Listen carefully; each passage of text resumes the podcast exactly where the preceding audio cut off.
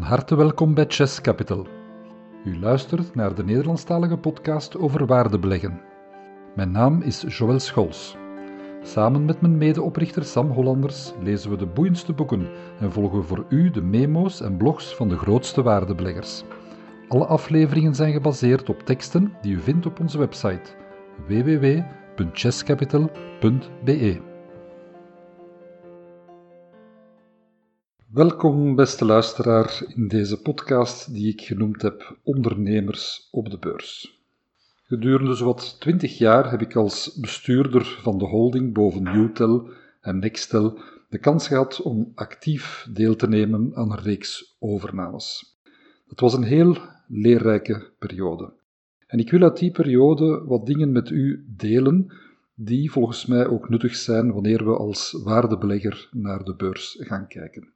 Dus in deze podcast ga ik met u de parallellen, maar ook de verschillen delen over die mindset die een ondernemer heeft wanneer hij naar een overname kijkt in real life, ik zou zeggen in de KMO-wereld, versus een belegger die een aandeel koopt op de beurs. Alles draait daarbij rond het rendement op een investering en dat wordt vooral bepaald door enkele parameters, zoals de aankoopprijs, de eventuele kosten en opbrengst gedurende de periode van eigendom en natuurlijk ook de verkoopprijs later. Moeilijker dan dat is het eigenlijk niet en wat tracht een ondernemer te doen, net zoals een belegger, wel al die parameters optimaal naar zijn hand gaan zetten. Dus vooral in eerste instantie zorgen dat je niet te duur gaat aankopen. Die twintig jaar als bestuurder daar waren dus, zoals gezegd, leerrijke momenten. Maar de meest leerrijke waren eigenlijk de overnames die we niet gedaan hebben. De momenten waarop we nee gezegd hebben tegen een mooie prooi. Want hoe mooi een overname kan staan op je palmares, hoe aantrekkelijk de synergieën er ook uitzien of hoe boeiend het integratiewerk nadien mag lijken, het over te nemen bedrijf mag vooral niet te duur betaald worden. Indien je te veel betaalt, dan is het gewoonweg geen goede investering. Indien je te zware lasten overneemt, dan is het geen goede investering. Zo simpel is het eigenlijk. Hoe werkt dat principe op de beurs? De beurs is een plaats waar de kleine en de professionele belegger aandelen van bedrijven kan kopen. Warren Buffett, ja, daar is hij weer, excuus, gaf ons al de goede raad om een aandeel te bekijken alsof je het ganse bedrijf koopt. Waarom zou je één aandeel willen kopen indien je, gesteld dat je het geld zou hebben, niet geïnteresseerd zou zijn in het ganse bedrijf? Wanneer je overweegt om een aandeel te kopen, doe je dus een globale waardering van het bedrijf, net zoals een overnemer de overname analyseert. Het mechanisme is hetzelfde, maar er zijn ook heel wat verschillen. Ik ga u de belangrijkste op een rijtje zetten. Ik wil beginnen met de nadelen die je hebt wanneer je op de beurs actief bent versus de ondernemer die een overname doet. Een eerste nadeel, en dat is zeker niet onbelangrijk, dat is dat je geen even grondige due diligence kan doen. Due diligence is een moeilijk woord in het Nederlands spreken van een boekenanalyse, waarbij je dus eigenlijk de boekhouding van het over te nemen bedrijf grondig gaat analyseren. Je kan dus niet aan tafel recht over de aandeelhouder die het bedrijf verkoopt gaan zitten en recht in het wit van zijn ogen kijken. En je kan niet in detail alle laatste zaken gaan bekijken van de boekhouding en alle moeilijke vragen gaan stellen. Maar anderzijds moet dat nadeel dan ook weer niet te zwaar overdreven worden, want je kan zeker voor beursgenoteerde bedrijven enorm veel informatie vinden in de jaarverslagen. Toch iets waarvan ik hoor van veel beleggers dat ze de moeite niet of veel te weinig doen om die jaarverslagen te gaan uitpluizen. Dat is heel wat werk, maar de opbrengst is dan ook volgens ons navenant. Een tweede nadeel dat is dat je wellicht niet de industriekennis hebt zoals een overnemer die heeft wanneer hij een bedrijf in zijn sector overneemt. Je zit dus wellicht niet als ondernemer aan tafel met collega's, CEO's uh, in allerhande uh, bedrijfsvakorganisaties en je hebt dus heel wat minder inside informatie. Dus dat is zeker een nadeel dat je natuurlijk voor een stuk kan compenseren door de bedrijven te gaan analyseren waar je wel zicht op hebt en waar je toch minstens het bedrijf goed kan begrijpen. Die twee nadelen gaan we het straks ook nog iets meer in detail over hebben. Ga je compenseren door gewoonweg minder te bieden, minder te betalen dan wat het volgens jou waard is. Een derde punt is dat je niet kan gaan onderhandelen over de prijs die je betaalt. Sommigen zien dat als een nadeel, anderen, zoals ik zelf, eerder als een voordeel. Het is de beurs die elke dag opnieuw de prijs bepaalt dat het bedrijf waard is. Een beetje zoals de prijs van de vis in de vismen. Dat is voor sommigen dus een nadeel, zoals ik al zei, namelijk de mensen die, en zo ken ik er een paar, die heel sterke onderhandelaars zijn en die dus echt wel een onderhandeling naar hun hand kunnen zetten.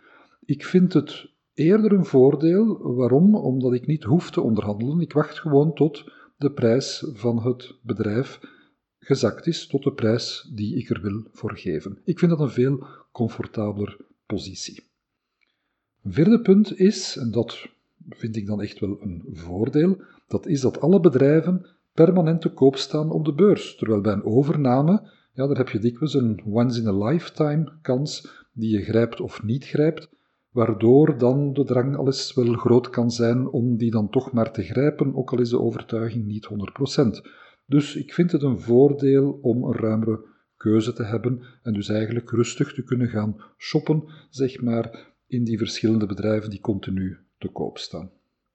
En als laatste punt natuurlijk, ja, je koopt aandelen van een bedrijf, je koopt niet het ganse bedrijf, dus je markt is veel groter. Je kan ook gemakkelijker in- en uitstappen uit een bedrijf, maar tegelijk heeft dat ook een serieuze valkuil, namelijk dat je je ook kan vergalopperen, want te drukken op de koop- en de verkoopknop, dat uh, is heel snel gebeurd. Dus eigenlijk is de tactische aanpak wel verschillend van een overname, ik zal zeggen in de privésector, versus de beurs, maar de onderliggende mechanismen en denkprocessen die lopen eigenlijk toch wel zeer parallel. Hoe gaan we nu die ervaring die we opgebouwd hebben gebruiken bij Chess Capital? Wel, een eerste zaak waar je rekening moet mee houden, dat is wat ik zal noemen keuzestress. Iets waar mijn kinderen, ik heb drie zonen, met de keuze van hun studies ook last van hadden. Er zijn zoveel bedrijven te koop op de beurs. Het is een beetje zoals de kleine Shaki die in de chocoladefabriek van Willy Wonka rondloopt en je wil er zo graag van alles proeven. In de ondernemerswereld ligt er meestal één overnamedossier op de tafel van de CEO of de bestuurskamer. En dat wordt volledig grondig onderzocht door het ganse team om na enkele weken tot een ja of een nee te komen. Als belegger dien je het aantal bedrijven dat je onderzoekt dan ook te beperken, want je hebt geen gans team. Je dient dieper te graven om minder informatie te vinden. Je zit met meer onbekenden gedurende het proces. Je kan geen volledige boekenanalyse doen. Dus focus is het grote sleutelwoord. Je dient je te beperken tot die bedrijven die je op een eenvoudige manier kan begrijpen. Je gaat werken met filters die de duizenden bedrijven reduceren tot een handvol interessante kandidaten. Een van die allerbelangrijkste filters is de kostprijs die je betaalt voor het bedrijf, want we weten dat het rendement afhangt van de prijs die je ervoor betaalt. En we weten ook dat je als belegger makkelijker nee kan zeggen, want er zijn immers opportuniteiten voldoende. En indien we geen koopjes vinden die voldoen aan onze strenge criteria, wel, dan wachten we. Mijn grootmoeder zei me regelmatig: Jongen, geduld is een schone deugd. En gelijk had ze. Wellicht het allerbelangrijkste dat een waardebelegger als eigenschap moet hebben, dat is geduld hebben. Je neus voor zaken wil dus zeggen heel goedkoop kopen. Maar wanneer doe je goede zaken en hoe goedkoop is goedkoop? Dat is een moeilijke vraag en er is geen eenduidig antwoord op. Het is wel een feit dat de prijs die je betaalt veel lager dient te zijn dan de waarde die je geeft aan het bedrijf. Hiermee zeg ik dus impliciet dat je een waardering van het bedrijf dient te doen. Je dient te weten welke eigendommen het bedrijf heeft, hoeveel schulden het heeft, welke vrije kaststroom het zal genereren de komende jaren, hoe stabiel de business is. Zaken die als ondernemer ook gaat nakijken bij een overname. Als belegger gaan we een zeer grote veiligheidsmarge hanteren, dus om al die nadelen die we genoemd hebben te compenseren. En ook omdat, ja, als belegger op de beurs heb je uiteindelijk geen controle op het bedrijf. Iets wat je wel hebt wanneer je het bedrijf gaat overnemen. Dan kan je zaken reorganiseren en de controle volledig nemen. Benjamin Graham, de grondlegger van het moderne beleggen, noemde dit de margin of safety. Iets wat we ook al besproken hebben in onze startreeks. We hebben een reeks van zeven artikelen. Mocht u die nog niet beluisterd hebben, nodig ik u daartoe uit, waar we dus een aantal thema's, zoals de margin of safety, besproken hebben.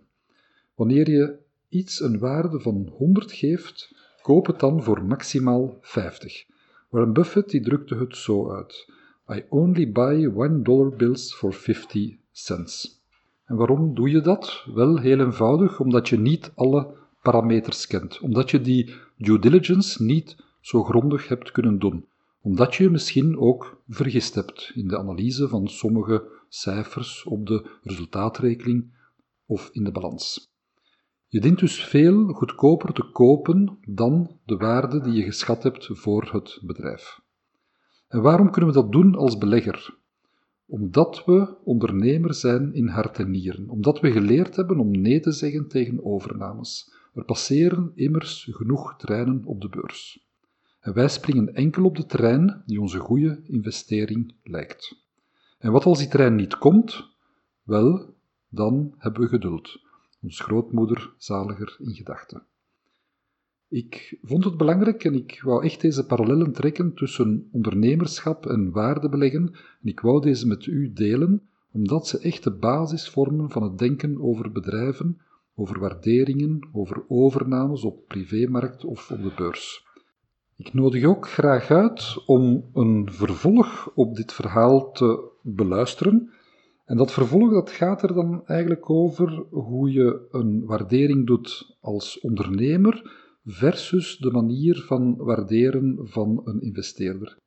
Wat me heel erg opviel toen ik mijn eerste analyses deed op de beurs, was dat er steeds opnieuw gesproken werd over die price-earnings ratio.